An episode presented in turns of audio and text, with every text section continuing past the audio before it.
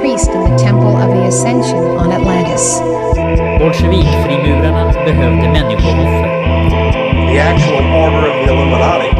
Adam Weishaupt and all of his uh, evil uh, philosophers. Det är ingen åsikt, det är en åkomma.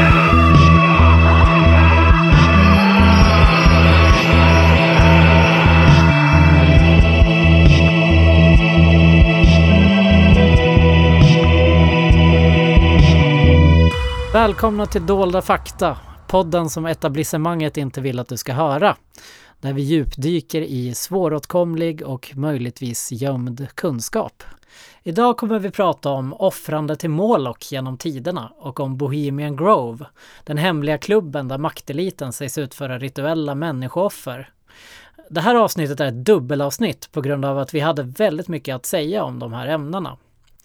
Eh, Jag heter Hermes Trismegistos och med mig så har jag Ja, jag heter Lars Tingström den här veckan. Nu börjar första delen.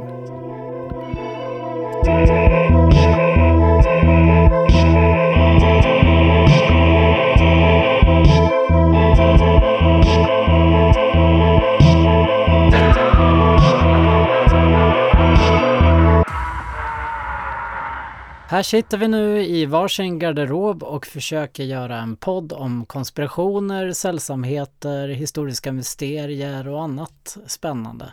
Ja, dold fakta helt enkelt. Ja, precis. Men också kunskap som eh, är lite bortglömd kanske och som är lite svår att hitta bara. Ja, Och vi försökte väl hitta ett ganska brett paraplybegrepp så att vi kan få in allt från till exempel prosten Munktells dagböcker och eh, det vi pratar om idag då. Och satanic ritual abuse. Ja, vad mer kan det tänkas bli? ja. Anunnaki, Atlantis. Ja, Din gamla käpphäst Anunnaki till exempel. Thomas Quick, eh, ryms det? Ja, kan, kanske. Kanske. Ja, vi får se. Mm. Känns som att eh, Moloch är i alla fall någonting som man ofta stöter på när man som du och jag läser liksom den, eh, om esoterisk kunskap genom tiderna. Ja, absolut. Det, Det, ja, det känns som att vi bara senaste året pratat flera gånger om Moloch i alla fall. jo, det är när man väl har fått upp ögonen så är det svårt att stänga dem igen, som Ja. jag brukar säga. Ja, exakt. Hur, eh, va- hur stötte du på Moloch första gången? Det var nog faktiskt i Thea von Harbaus roman Metropolis. Den är bas baserad på filmen Metropolis. Där är ju Moloch med som en ond demon. Okej. Den läste jag när jag var kanske 12, tror jag. Ja, för mig är ju Moloch det här Buffy the Vampire Slayer avsnittet när eh, det är en demon som scannas in i internet Ja, och gör hela skolnätverket ondskefullt. Det är ett fantastiskt ja avsnitt. det, det här var ett vanligt problem i internets barndom. precis, det är faktiskt, jag kollade lite på det avsnittet precis och det har också mycket så här bra mora- moraliserande över internetdating och sådär som man känns mer aktuellt än någonsin nu kanske. Ja, verkligen. Ja, man vet ju inte Nej, vem men- det är på andra sidan skärmen. man får akta sig när man sitter på Tinder och swipar att Moloch inte kommer fram plötsligt. Han, heter för, han kallar sig förresten Ma- Malcolm i avsnittet. Och Ja, eh, det. en väldigt så här bra scen är ju när han skriver om någons skoluppsats. Så att eh, Mm. det handlar om att Nazityskland var ett idealsamhälle. Sen tänker jag också på den här deckaren, Åsa Larsson till offer åt, åt Moloch. Som inte verkar handla Ja, om just det. Moloch i och för sig. Men... Eh, nej, jag var ju tvungen att kolla faktiskt vad det stod i den om hon gav någon förklaring till titeln. Och hon hade, det var ett kort förord där, där hon pratar. Ja. Där skriver hon om att hon hade läst Bibeln och blev inspirerad av de som offrade sina barn för att nå framgång. Så det är väl temat för boken, att folk som Ah, åsidosätter sina barn till exempel för karriär. Just det, så kan man ju också se på det. Det känns som att Moloch ofta kan vara en symbol bara för något dumt. Ja, Medan jag ju själv tänker på det som Ja, Jag tänker ju ofta på att jag ska offra mina grannbarn åt Moloch för att de för sånt liv. till exempel. Ja, just det. Det är lite mer den Jo. gamla, gamla synen på Moloch. Gamla Ga- skolan. gamla skolan, ja. Precis. Men det här vet ju du allt om, för det har ju du läst om till idag. Ja, jo nu vet jag allt.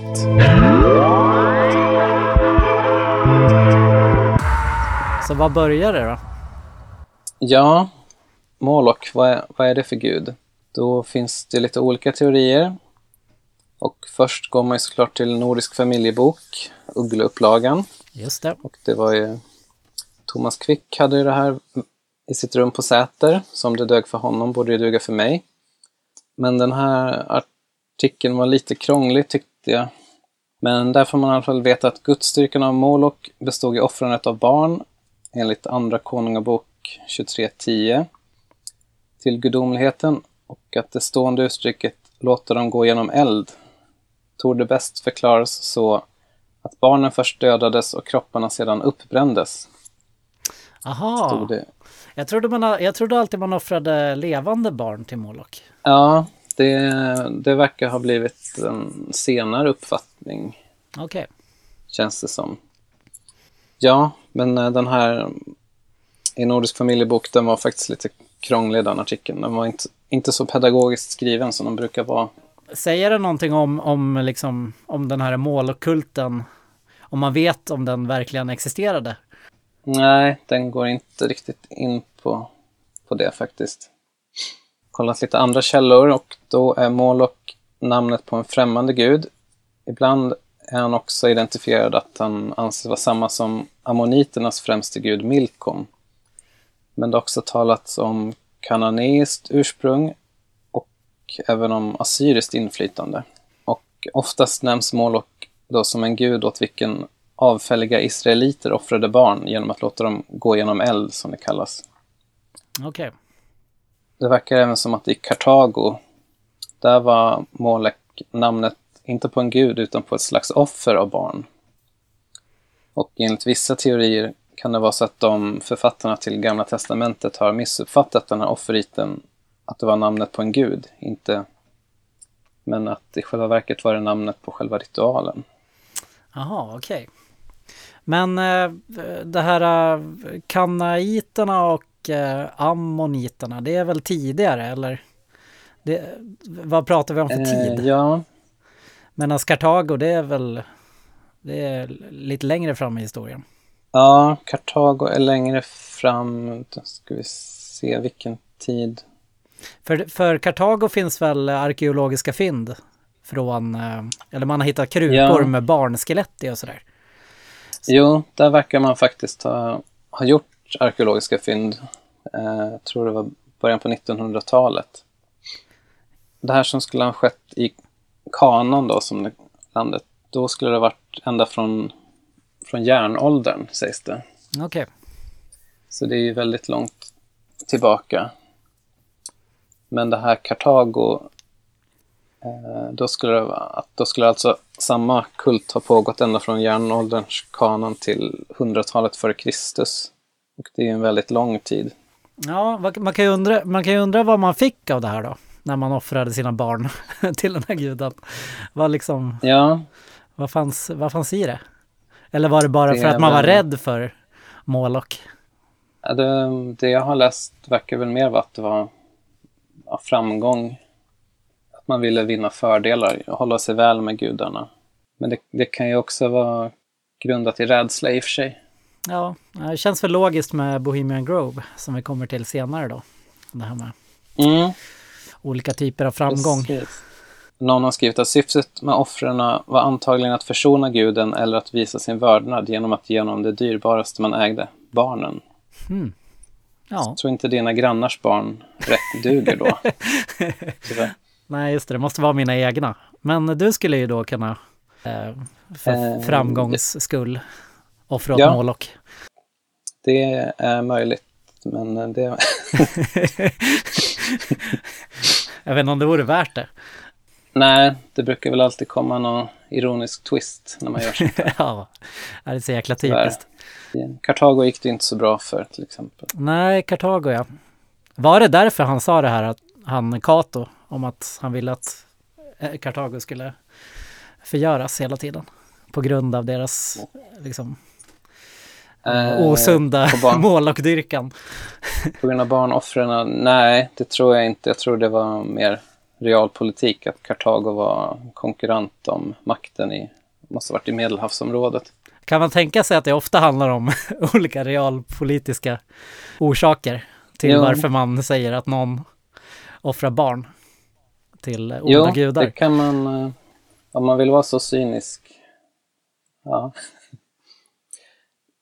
Det kan man nog säga. Vissa kanske skulle Eh. säga så, men det kan ju finnas många andra orsaker också till att man offrar Ja. barn. Men eh, ingen rök utan eld, Precis. som man brukar säga. Ja, vad hände sen då efter? Ja, jag har även kollat en annan källa, hemsidan alltombibeln.se. Och de skriver då att samma här att Molok var en kananeisk gud och förmodligen samma som ammoniternas Milkom. Omnämns som mer eller mindre synonym med Baal, en annan gud. Och också det här om eldsoffer då. Men eh, den här hemsidan skriver också exakt hur offret gick till är inte känt. Men den grekiska historikern Diodorus eh, Siculus eller Cici- Cicilus. Han levde under första århundradet före Kristus. Och enligt hem- den här hemsidan har han beskrivit avgudabilden som en mansgestalt med tjurhuvud. Okej. Och den här statyn, statyn hettades upp till den glödde och därefter kastades barnen i figurens utsträckta armar och föll ner i lågorna nedanför. Men eh, det här tror jag inte stämmer, det som står på allt om Bibeln. För att jag har hittat den här historikerns beskrivning och han beskriver inte hur, hur den här statyn ser ut. Och han kallar den inte heller för Molok, han skriver att det är guden Kronos.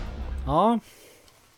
Nu börjar det bli lite som Eh. det alltid blir här, att, eh, Mm, att man kan dra kopplingar från alla möjliga. ja, men det är Babylon, det är liksom antikens Grekland ja, ja, allt bara hänger ihop. ja, så det brukar ju du, har du börjat säga väldigt ofta på sistone. Ja, jo, Oroväckande. det blir så. man ser mönstren liksom. Man börjar förstå hur allt hänger, hänger samman. Jo, när du har öppnat ditt tredje öga så ser du mönster överallt. Ja, precis. Exakt. Eh, nej, men den här texten på alltombibeln.se, jag tror tyvärr att den är felaktig för att han skriver inte alls att historikern skriver inte alls att det är en man med tjurhuvud. Nej, okej. Han skriver inte att det är Molok heller, utan han skriver att det är Kronus. Och eh, vissa källor som jag läst säger, de säger då att han, han skriver det här för att det är en eh, analogi som grekiska läsarna kan förstå. Som Kronos som åt sina söner. Och eh, Kartagos eh, gud egentligen var tydligen eh, en gud som heter Baal Hammon. Och det finns ju många, många olika gudar som heter Baal. Det betyder her- herre, om jag minns rätt. Ja, vår djävul brukar väl också kallas Bal, eller? Ja, det är väl... eh, Någon har väl sagt att det är därifrån Belzebub som ett av namnen på djävulen kommer. Som sagt, allt hänger ihop. Ja, precis. precis. Men sen när jag läste det först tänkte jag att det här var helt fel eftersom det här beskrev Kartago och inte nä- nära Israel då, eller israeliterna bodde. Men då hittade jag också en annan artikel av Erik Rodenborg som har skrivit på sin blogg om rituella människooffer. Det är en av hans favoritteman. Okej. Men eh, han skriver då att de här fenicierna då som romarna krigade med, det är ett ord av grekiskt ursprung, men själv kallade sig fenicierna för kananéer. Det är ju samma namn som används i Bibeln för att beskriva de folk som bodde där innan de israelitiska erövrarna kom. De här fenicierna de spred sig sedan från nuvarande Libanon över Medelhavet och grundade kolonier och en av de här kolonierna var Kartago då. Och då skriver han vidare att redan i Bibeln tillskrevs kananéerna rituella barnamord. Och det här var en motivering för att de ska fördrivas och utrotas. Hur det beskrivs hur de offrar sina barn till gudarna Baal och Molok. Och till exempel i tredje Mosebok 1821 står det Du får inte överlämna något av dina barn till Molok, säger Jave då, Gud. Det här var en varning riktad till de israeliter som frestades att ta efter den här kulten. Och i samma bok, 20 kapitlet, då upprepas varningen igen. Där står det, varje israelit och invandrare i Israel som ger något av sina barn till Molok ska straffas med döden. Folket i landet ska stena honom. Jag ska vända mig mot den mannen och utstöta honom ur hans folk. Så det är en väldigt skarp varning. Enligt Erik Rodenborg, som han skriver, trots de här varningarna spred sig kulten enligt Gamla Testamentet även till israeliterna. Och i Andra Konungaboken 16.3 får vi reda på att Pekash, konungen Juda, offrar sin son på bålet, till exempel. Enligt det vedervärdiga bruket hos de folken som Herren hade drivit undan för israeliterna. Och man får även veta att en kung Manasse lät offra sin son på bålet. Men det fördes även en kamp mot de här ritualerna och en del kungar de angrep barnoffertraditionen. Och det är en Josia som beskrivs som reformator. Han sägs ha förstört den här offerplatsen i Hinnomsdal där man offrade till, till Molok. Det här ska ha varit någon gång på 600-talet före Kristus då. Är det samma som Gehenna? Eh, ja, Hinnomsdal det är samma som Gehenna. Och där ska den här offerplatsen ha funnits som hette Tofet, eller Toffet. Och det, det är ett ord som man använder nu för att beskriva platser där barn offrades i den kananeisk-feniciska kulturen. Eh, när Gamla Testamentet var inte ensam om att påstå det här om eh, kananéer och fenicier då enligt Erik Rodenborg och även många grekiska och romerska författare gjorde detsamma. Och däribland Diodorus Siculus. Men även en författare som kallas för Pseudoplaton. Va? Det, ja, det vet jag tyvärr inte vem det är. Han var väl inte lika bra som Platon kanske. Nej, det måste vara Lite något sämre. Ja. Men flera grekiska historiker helt enkelt. Så om man, om man ska tro Erik Rodenborg i alla fall, men det låter ju rimligt. Men då som sagt, då förutsätter det att det är samma, samma kult som förekom redan på järnåldern då, att den ska ha fortsatt till hundraåret före Kristus. Samma ritual med barnoffer. Det, ja, man vet ju inte. Nej. Det kan ju vara så. Så. Eller så kan det också inte vara så. I Bibeln, i Konungaboken, där berättas det om kung Salomo. Att han hade älskarinnor från andra folkslag som förledde honom och förvred huvudet på honom och fick honom att dyrka avgudar. Jaha, ja. Var det inte han som var så vis? Jo, precis. Det var väl han, man brukar säga att kung Salomo kunde inte ha löst det visare. Men eh, då har de inte läst det stället i Bibeln antar jag. Nej, det är viktigt att det lyfts fram, det här stället. Ja, precis. Den här dolda kunskapen. Den är inte så dold kanske eftersom det står i världens mest sålda bok. Men Ja, fast det är inte så många som orkar läsa allt i Bibeln. Nej, det har väl inte vi heller gjort kan vi väl erkänna. Har Nej, nej det, det godbitarna. får vi väl kanske erkänna.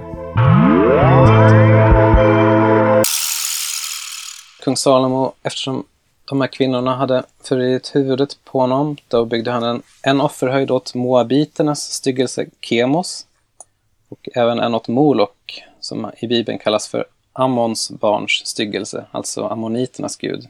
Den här offerplatsen, det är då samma som reformatorn Josia förstörde senare på 600-talet före Kristus. Är det den här... Nej, men det vet man inte om den ser ut som en tjur alltså. Nej, eh, men som sagt, eh, den här grekiska historikern, han skrev då eh, i Kartago, där fanns det en bronsbild av Kronus som sträckte ut sina händer. Handflatorna var, var riktade uppåt och sluttade ner mot marken. Så att varje barn som placerades där rullade, rullade ner och föll i en grop av eld. Just det. Här har jag läst någonting om att eh, det lät som att barnet skrattade. Ex liksom hade något... Skrattade som en galning, men att det, det kanske var mer att den skrek av smärta och ramlade på olika sätt och eh, brände sig. Vet du Ja. något om det här?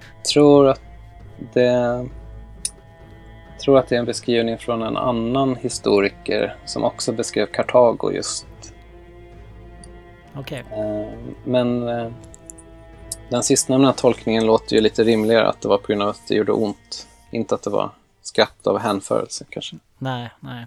Och det var också en rabbin på 1100-talet som kommenterar ett bibelstycke, Jeremia 7.31.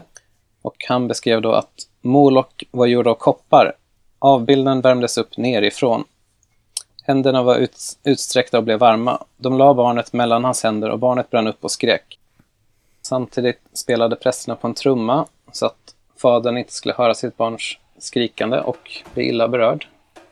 Här beskrivs inte heller själva Molok, hur han ser ut faktiskt. Det finns också en annan rabbinsk tradition, säger att Moloks avgudabild var ihålig och indelad i sju fack. Och i det första facket la man mjöl, i den andra la man duvor, i den tredje ett får, i den fjärde en bock, i den femte en kalv, i den sjätte en oxe och sen i den sjunde la man ett barn. Jaha, mjöl. alltså. Alla de här, ja, i första facket. Men eh, blandas de ihop sen eller? Blir det som en stuvning av eh, offer? Ja, det, det är lite oklart. Det skriver inte rabbiner, men det kanske blir. Men sen, alla blev ju uppeldade då genom att statyn, denna statyn värmdes inifrån. Okej, att alla, alla dog. det låter jobbigt alltså. Ja, Det, det låter, det låter jättejobbigt att städa statyn också efter offret har utförts. men ja, Ja, man, men man hade väl här- folk till sånt förstås. Jo, det fanns säkert slavar som kunde städa ur, vad vet jag. Ja, Men eh, det låter väl praktiskt att ha olika fack kanske. Jag vet inte. Sju stycken var i alla fall. okej.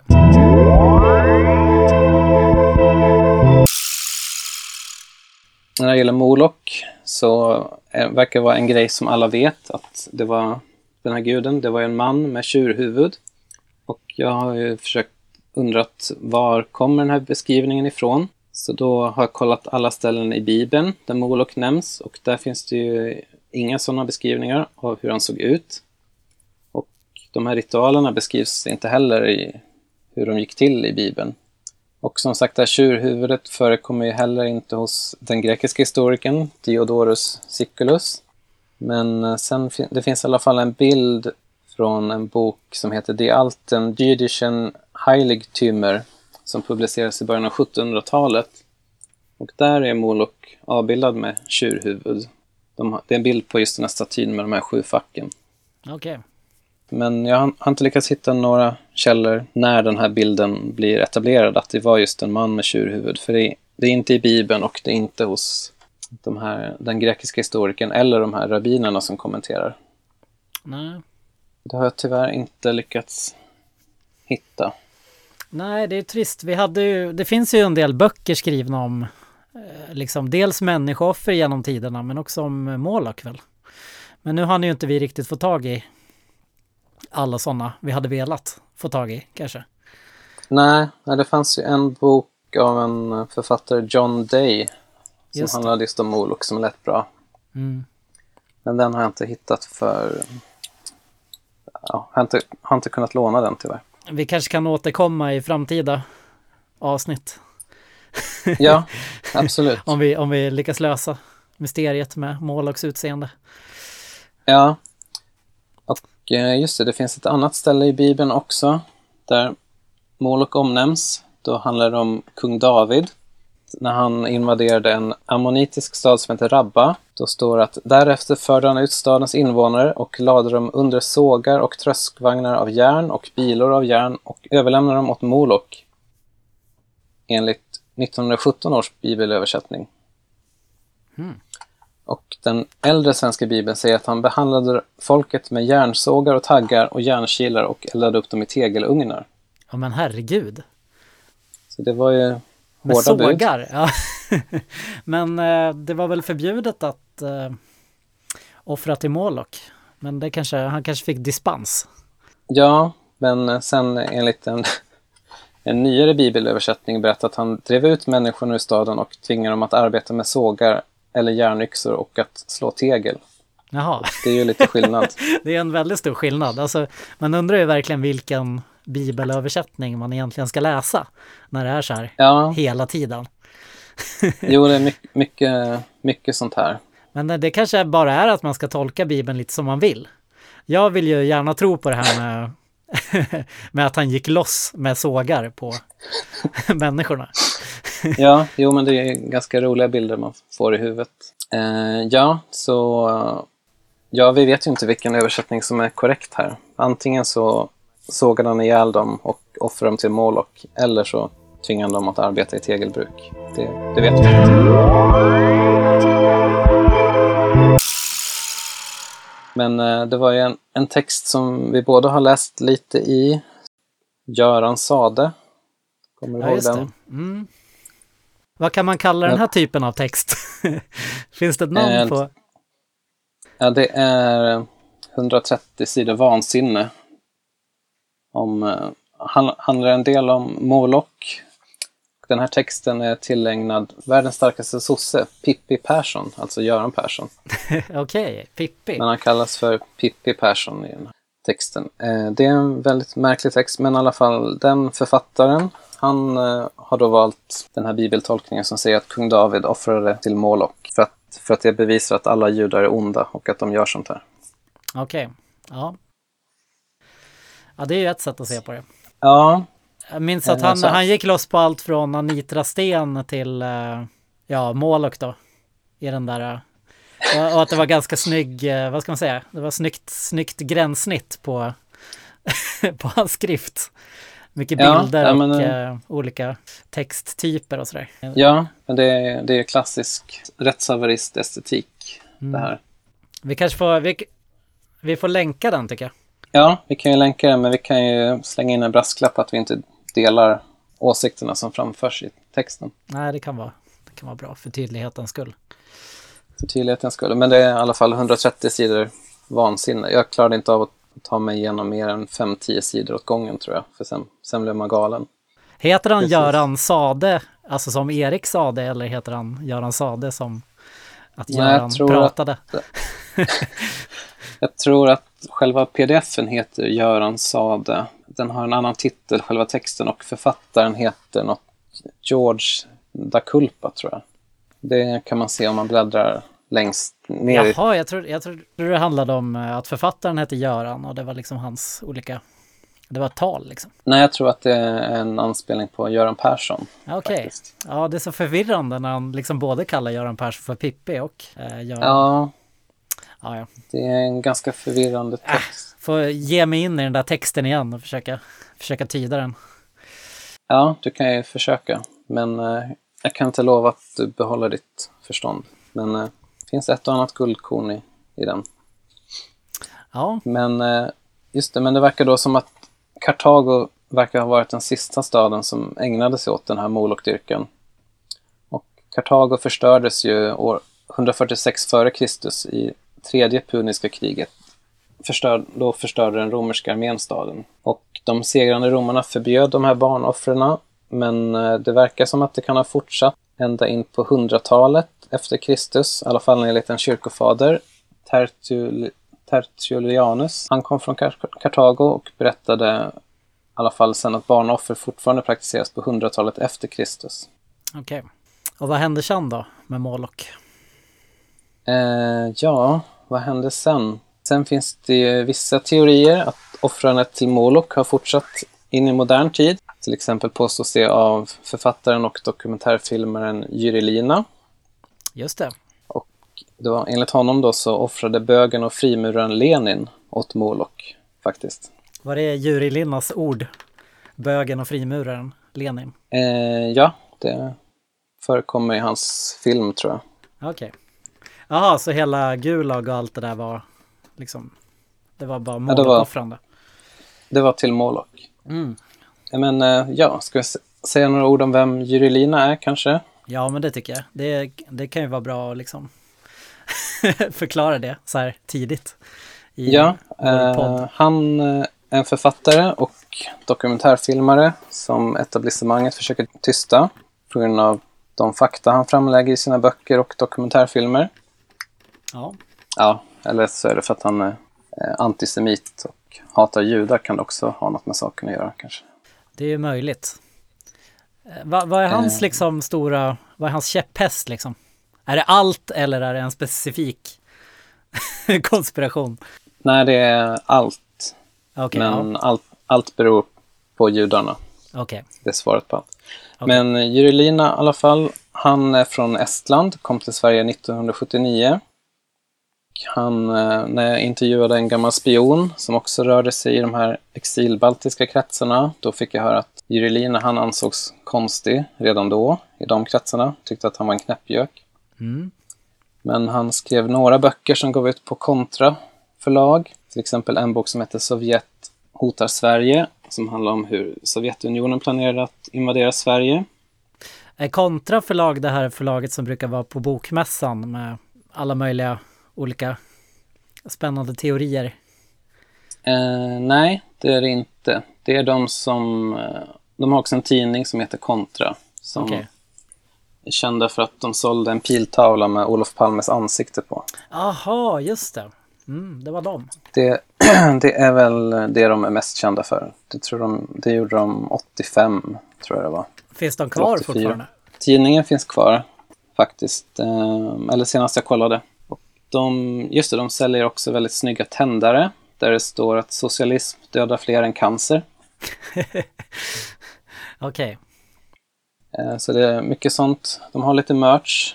Men Jurelina fick i alla fall ge ut några böcker på deras förlag, men sen fick de nog honom för att eh, han blev väl för konstig och snöade in helt på antisemitism och frimurare. Och det är ju det som han skriver böcker om och gör filmer om idag. Hans filmer heter till exempel saker som Ljusbringarna, Jabulons emissarier och en annan film heter Den omättliga Ouroboros, frimurarnas lömska taktik. Och även en annan film som heter Januseffekten, Bals slavar. Jaha. Spännande titlar. Ja, de är väldigt fantasieggande faktiskt. Och Jyrilina, han kallar Sverige för Sovjetrepubliken Absurdistan. Antar att det är på grund av att man har försökt tysta honom. Ja, just det.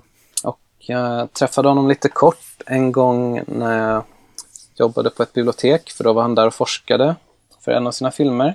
Hälsade på honom, då hade han på sig en kamouflageväst faktiskt. En Jaha. ganska vanlig.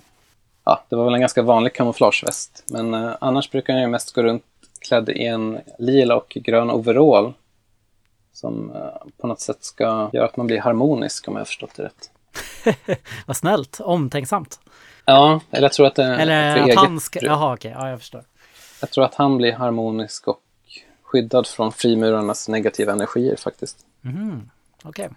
Och då enligt, enligt Jyrilina då så under åren 1918 till 1919 då avrättade den sovjetiska säkerhetstjänsten 1,7 miljoner ryssar som blev tvungen att anställa likräknare för att hinna koll, hålla koll på den här utrotningen. Och under 1921 till 1922 avrättade man 1,7 miljoner människor till. Sen do- dog det 5 miljoner under hungersnöden 1921 till 1922 Eh, Och sammanlagt tror jag han räknar på 30 miljoner dödsoffer de första åren. Därav minst 8 miljoner bönder. Och enligt Lenin offrades då de här människorna åt Molok. Enligt Lenin? Ja, det erkände Lenin själv. Jaha. Var då? Eller hur? Jo, då har, Lina har då skrivit så här. Bolsjevikfrimurarna behövde människooffer. De offrade åt Molok, enligt Lenin.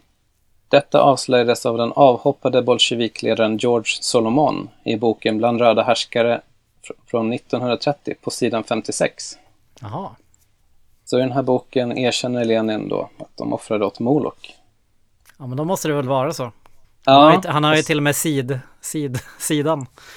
jo, det är väldigt seriöst med sidhänvisning och allt. Eh, jo, men den här boken, den lånade jag faktiskt för några år sedan när jag hörde det här första gången och läste den. Och George Solomon, han var en eh, avhoppare från kommunisterna och sen skrev han den här boken Bland röda härskare om sin tid bland kommunisterna. Och jag slog, då, slog upp den här sidan var väldigt förväntansfull för att få läsa då om hur Lenin bekände att han offrade till Molok. Men eh, det enda som står där är att det handlar om att, om jag minns rätt då, det här var några år sedan, att det var någon gisslan som Lenin lät dödas, några diplomater. Och då skrev författaren att Lenin lät dem dödas som, som offer åt Molok. Men det här alltså, det var ju rent eh, bildligt talat, inte bokstavligt talat. Jaha, vad tråkigt.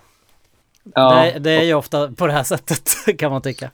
Jo, det här, det här är ju ett genomgående tema. Att så här är det alltid. Att någon har ryckt saker ur sitt sammanhang. Någon Sen- kanske jobbar med symboler och liksom allegorier och... Ja, men det är, det är väldigt farligt att göra. Farligt att göra, det ska man det inte är göra. Kanske är det bland det farligaste man kan göra tror jag. Ja, Man vet aldrig vem som kommer tolka det bokstavligt. nej, det farligt. Och vi kan ju lägga in ett klipp från eh, uh, Jurelinas dokumentärfilm där han beskriver det här. Det är inte Jurelina själv som pratar, men det är ett väldigt suggestivt klipp. Man ansåg att det bland det vackra skulle finnas särskilt många intelligenta människor. De vackra ungdomarna skulle därför förintas som samhällsfarliga. Några så vidriga brott hade man dittills i världshistorien ännu inte beskrivit. Bolsjevikfrimurarna behövde människooffer. Enligt Lenin offrade de folk åt Molok. Detta avslöjades av den avhoppade bolsjevikledaren Georges Solomon i sin bok Bland röda härskare. Men det här verkar ha varit eh, ett ganska vanligt tema, vad jag har förstått, på till exempel på 1800-talet bland antisemitiska grupper. Då blev det populärt att associera just judendom med molokism, alltså, alltså barnoffer. Och det är väl i den traditionen som Jurelina jobbar helt enkelt. Ja. Nej men visst, det har man ju, det läste jag om, det var någon pogrom i eh, Ukraina. Mhm, Där man beskyllde judarna för att offra åt Moloch, om jag inte minns fel. mhm. Också, också på medeltiden tror jag.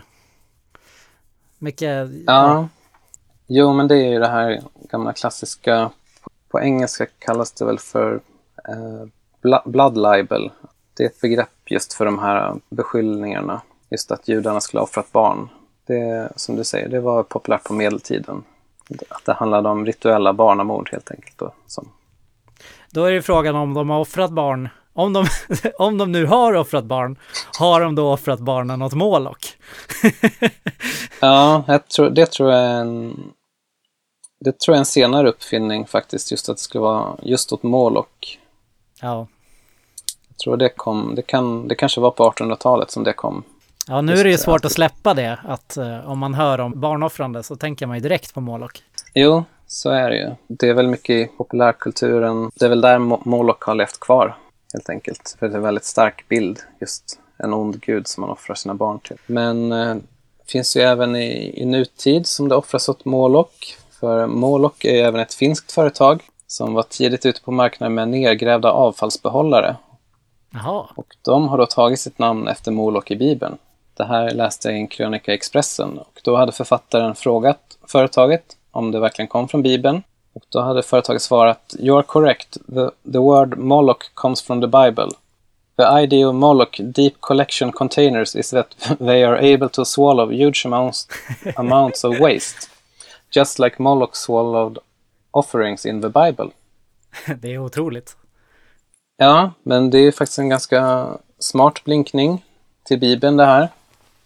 Just den här offerplatsen, Tofet, den ska ha legat i den här Hinnomdalen, eller Gehenna, Ja, ja. som var en ravin. Och den här platsen användes ju faktiskt också som en soptipp.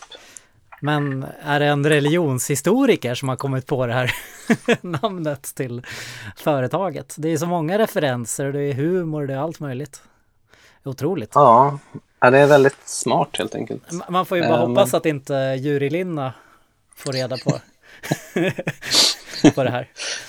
Ja, eh, ja, vi får hålla tummarna. Men, eh, det är vågat att döpa sitt företag efter en ond gud som kräver barnoffer. Ja. Men det är väl den här finska sisun.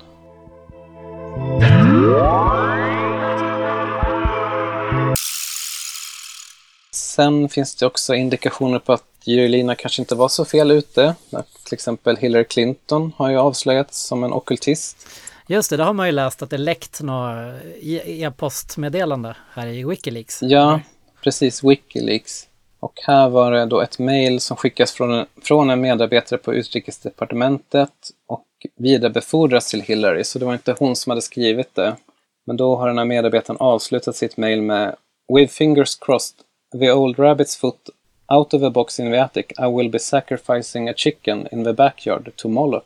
alltså att nå- någon ska offra en höna till Moloch ute på gården. Ja, det låter ju också som att han inte direkt bokstavligt tänker offra eh, en kyckling åt Moloch. Om man ska vara. Nej, det är ju en, to- en tolkning man kan göra om man... Här hade man ju, åt, Förstår. ja, här hade man ju återigen hoppats att han hade då, eller att Hillary då hade skrivit att eh, är offren redo eller någonting? Är, är liksom, är offret förberett och klart? Det är offer jag ska göra eh, åt Ja. Moloch för att få framgång i presidentvalet. Precis. Men eh, några, Men så var några det sådana några såna mejl har ju tyvärr inte läckt från Wikileaks. Nej, men det kanske Vad vi kommer. vet. Det kan komma. Ja, vi får väl Men, se här eh, med Trump och sådär om han om det läcker någonting från valkampanjen där kanske. Ja, kanske. Men det här mejlet, det blev ju viralt. Och det fick ju massa konspirationsteoretiker på internet att gå i spinn i alla fall. De skrev ju om, eh, här har någon skrivit att Hillary Clinton is so deeply entrenched in the elite New World Order establishment that she even bows down to Moloch. The same occultist god they perform human sacrifice rituals for at the annual Bohemian Grove meetings. Just det. Så det här är ett tema som breaks vid internet helt enkelt. Ja, kan ju nämna Moloch i populärkulturen lite. Och vi har ju Buffy the Vampire Slayer har vi nämnt, men Moloch nämns även väldigt många gånger i beatförfattaren Allen Ginsbergs dikt Howl. just det. Den har jag inte läst för den verkar tråkig. Men han nämner Moloch en massa gånger. Men det är nog som en symbol där tror jag. Eller det är väl lite mer bara en biblisk referens eller? Till ondska kanske? Det är som en symbol för amerikanska samhället och kapitalismen och industrialismen och fruktansvärda priset vi får betala för den moderna civilisationen. Okej. Tror jag. Jag har inte läst dikten. Nej. Och som sagt förekommer ju Moloch även i Fritz Langs stumfilm Metropolis. Där är en maskin som förvandlas till en onde Moloch och sväljer en massa människooffer. Och här är Moloch också en symbol för den moderna tekniken och ja, höga kostnaden i form av människooffer. Det här har blivit en populär bild. Och i USA var det en serietecknare som kallade bilen för den moderna Moloch, alltså en dödsmaskin, på grund av alla trafikolyckor. Och som sagt även i Buffy the Vampire Slayer när han är fångad i en bok och då skannas boken och då hamnar han på internet. Just det. Men jag har hört om eh, Gustav Flaubert också. Ja, just det. Han skrev ju en, en roman som hette Salambo som publicerades 1862. Och där beskriver han just Kartago och hur offren till Moloch går till. En del är baserat på någon historiker men han har även hittat på ganska mycket själv. Just om Moloch och här, hur offerritualerna gick till. Tydligen också en del av det som Flaubert hittar på till sin bok har även letat sig in i seriösa verk om Moloch. Okej. Ja, som det alltid är. Vem kunde tro? Den kanske man borde här- läsa. Han är ju en, eh, han är väl en ganska bra författare. Det är, inte, det är sällan man hör om den här Mm. boken. Ja, det kanske, den kanske inte hade lika hög verkshöjd som Madame Bovary. Nej, Jag vet Eller- inte. vem vet, det kanske var ett känsligt ämne som någon ville tysta ner.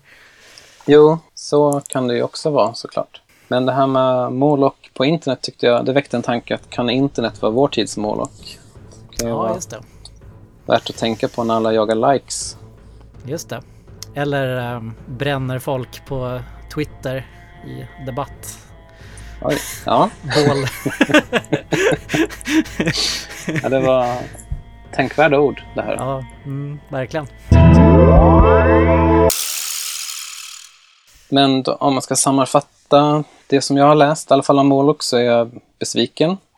Jag är inte arg, jag är besviken. Jag trodde att Moloch skulle beskrivas i Bibeln och det gjorde han inte. Och jag har inte lyckats hitta... De här ritualerna beskrivs inte heller i Bibeln. Och det här med att han var en man med tjurhuvud, inte hitta källan till det heller. Så det var ju lite tråkigt. Och för att sammanfatta det vi har pratat om, att Det mesta verkar vara att det är någon tomte som svamlar fritt och drar fram saker ur röven och sen blir det till fakta. För att nästa tomte, nummer två, skriver, skriver av det som att det var fakta och sen fortsätter det sådär tills Jurelina gör en film om det. Ja, och sen är det klart. Sen är det för evigt inpräntat i alla, allas medvetande. Ja, sen finns det på internet och då är det sant. Ja, precis. Det är lite, lite tråkigt. Ja, Så därför tycker jag att det är bra med källkritik. just det. Ja, det här var ju otroligt lärorikt, måste jag säga. Ja, Känner, mig- känner mig också lite besviken däremot. Men ja, det, jag tänker att det, ja, jag tänker att det är lite så det kommer vara i den här podden. Att vi börjar Jo. liksom ivriga och, och eh, beredda att bli liksom förändra hela vår världsbild för att sen bli fruktansvärt besvikna. Jo, ja, det, jag tror att det kommer vara många sådana resor framöver. Ni har lyssnat på del 1 av Dolda Faktas dubbelavsnitt om Moloch och Bohemian Grove.